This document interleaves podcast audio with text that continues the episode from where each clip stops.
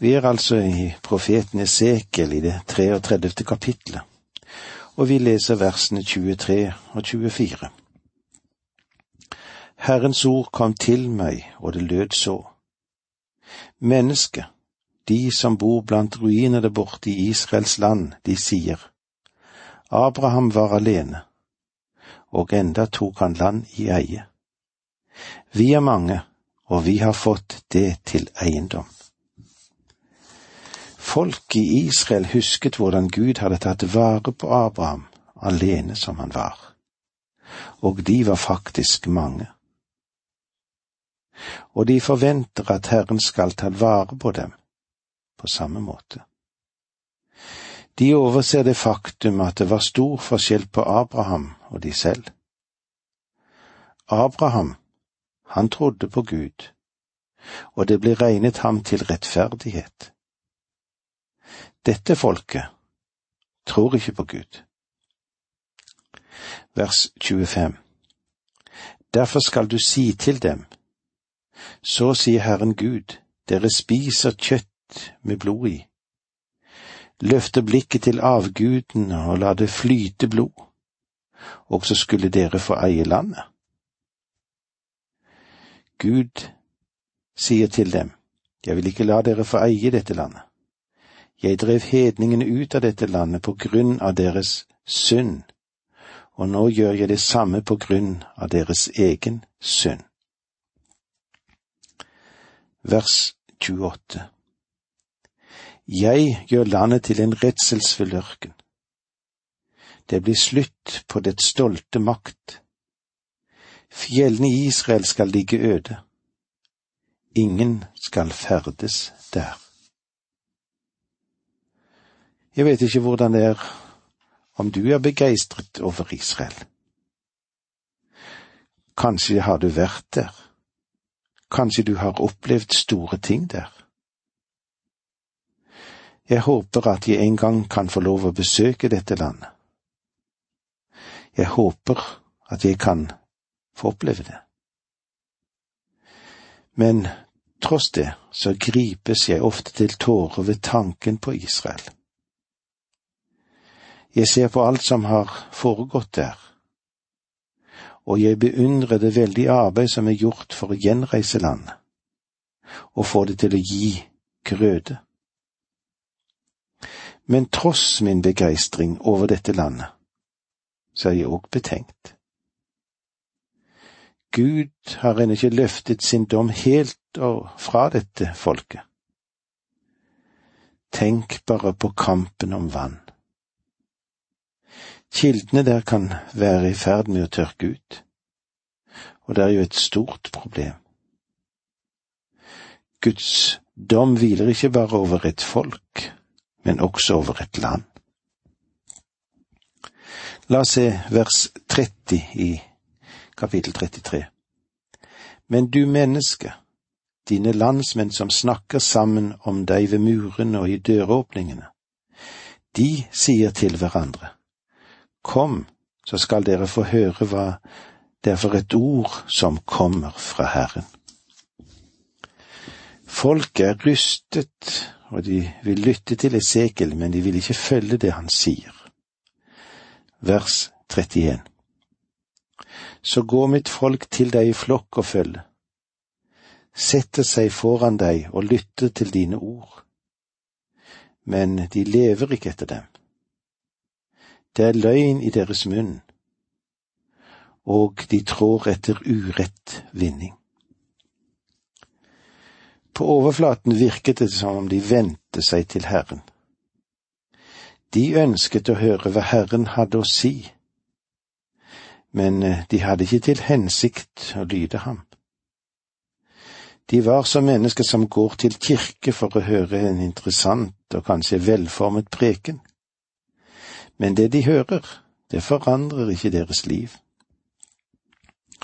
Jakobs brev skildrer denne situasjonen i skarpe og praktiske ord når han sier, dere, dere må gjøre det ordet sier, ikke bare høre det. Ellers vil dere bedra dere selv, som det står i kapittel 1 vers 22 i Jakobs brev. Og dette sier Gud om folket i fangenskap. De hører ordene, men de vil ikke handle etter dem. Versene 32 og 33. Ja, du er for dem lik en mann som synger elskhoffsviser med vakker stemme til fin musikk. De hører dine ord, men lever ikke etter dem. Men når det kommer, og komme skal det, da skal de sanne at profet, at en profet har vært midt iblant dem. Nå når Jerusalem har falt slik Esekiel hadde profetert, vet folket at han er Guds sanne profet. Men selv om de vet at han forkynner dem Guds ord, vil de fremdeles ikke lyde ham. Vantro er viljebestemt. Det er ikke fordi menneskeslekten har en mentalitet som ikke kan akseptere det Gud sier. Det virkelige problemet er at mennesker ikke ønsker å oppgi sin synd. Det var problemet folket som Esekiel tjente. De var villige til å komme og lytte til det Esekiel hadde å si, men det hadde ingen virkning på dem. Og man skulle tro at folket nå ville venne seg til Gud, men det skjedde altså ikke. Gud sa til Esekiel, ikke la dette folket lure deg. Det er sant at de kommer for å lytte, men de tar ikke hensyn til det du sier. De er ikke ordets gjørere. De liker seg når de hører at du taler om kjærlighet og fremtiden og profeti, men det har ingen virkninger på deres liv i det hele tatt. De lever fremdeles på den samme måten, langt borte fra meg. Esekiel var den eneste som sa at Jerusalem ville bli ødelagt. Alle de falske profetene sa at den ikke ville bli lagt i ruiner. Nå er sannhetens øyeblikk kommet. Jerusalem er ødelagt, og de er tvunget til å erkjenne at Esekiel er den sanne profet. Israel sine falske hyrder som vi nå skal stoppe opp for idet vi går inn i det 34. kapitlet.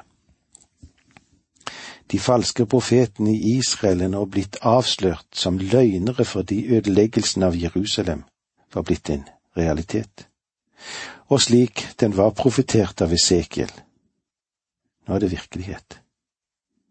Gud har et ord å si om disse falske profetene. Vi leser de to første versene i kapittel 34. Herrens ord kom til meg, og det lød så. Menneske, tal profetord mot Israels hyrder. Tal profetord, si til dem, så sier Herren Gud, ved Israels hyrder som bare sørger for seg selv, er det ikke saueflokken de skal sørge for. Det var ikke Esekiel som sa dette om de falske profetene, det var Gud som sa det. Guds kritikk av de falske profetene var at de ikke hadde gitt folket Guds ord. Og jeg føler at dette fremdeles burde være standard som vi vurderte vår tjeneste etter også den dag i dag. Vers fire Dere har ikke styrket de svake, ikke leget de syke, og ikke forbundet de som er skadd. De som er drevet fra hverandre, har dere ikke ført tilbake, de bortkomne har dere ikke lett etter. De sterke har dere kuet med vold og makt. Vi har alle behov, og det som virkelig kan tjene vår dypeste behov, er Guds ord. Om en forkynner ikke gir sin menighet, sine tilhørere Guds ord, så tjener han ikke folket. Ordet må forkynnes. Takk for nå, må Gud være med deg. Dette undervisningsprogrammet består av to deler. Åge Nevland fortsetter nå med andre del av dagens undervisning. Vi er inne i profeten Esekiel. Vi er i det 34. kapitlet. Og som hovedtema i det vi er innom nå, er vi ser litt på Israels sine falske, falske hyrder. Det er et område som er viktig òg å stoppe opp for i vår tid. Vi leser nå i vers fem i kapittel 34. Så ble sauene mine spredt fordi de ikke hadde noen hyrde. De ble til føde for alle slags villdyr. Med andre ord er det slik at hvis folk ikke får mat i menighetene, hvis de ikke får det de trenger i den kristne kirke, ja, så vil det skje noe, de vil spredes. De drar av gårde til et annet sted der de kan få mat. Og det er ikke noe poeng her å kritisere dem, for uh, de får det de ønsker, de ønsker å finne føde. Det er også Guds barns natur, det. De vil høre Guds ord. Guds barn, de vil høre Guds ord vers syv til ti, kapittel 34. Derfor, hyrder, hør Herrens ord. Så sant jeg lever, sier Herren. Sauene mine er sannelig røvet og er blitt til føde for alle slags villdyr, fordi de ikke hadde noen hyrde. Hyrdene mine spurte ikke etter sauene. De sørget for seg selv i stedet for å gjete sauene mine. Derfor, hyrder, hør Herrens ord. Så sier Herren Gud, jeg kommer over hyrdene mine og krever dem til regnskap for sauene mine. Jeg avsetter dem som hyrder. De skal ikke lenger sørge for seg selv. Jeg vil berge sauene ut av gapet på dem. De skal ikke ha dem til føde. Gud holder disse falske hyrdene ansvarlig. Han sier jeg står dem imot, og jeg er like standhaftig mot dem som jeg er mot enhver synder eller enhver synd. Jeg vil holde dem ansvarlig. Og nå vil vi se litt på Guds sanne hyrde. I vers 11, kapittel 34. Så sier Herren Gud, selv vil jeg lete etter sauene mine og ha tilsyn med dem. Her har du Guds hyrde. Jesus som sa, Jeg er den gode hyrde. Esekiel sa at Kristus vil komme, og han kommer igjen fordi han ennå ikke har fullbyrdet alle profetien angående hans hyrdeoppdrag over verden. Nå begynner vi her å se inn i fremtiden. Dette er Guds ord og trøst til Israels barn i deres fangenskap. De skulle lytte til ham. Han er hyrden, den gode hyrde, den store hyrde og overhyrden over fårene. Han sier i Salme 23, Jeg vil vokte mine sauer. Herren er min hyrde, jeg mangler ingenting, jeg fattes intet. Det som gjør inntrykk på oss i resten av dette kapitlet, er at et sterkt utsagn fra Gud gjentas, og dette utsagnet er Jeg vil. Og jeg vil, det dukker opp 18 ganger i versene 11 til og med 29.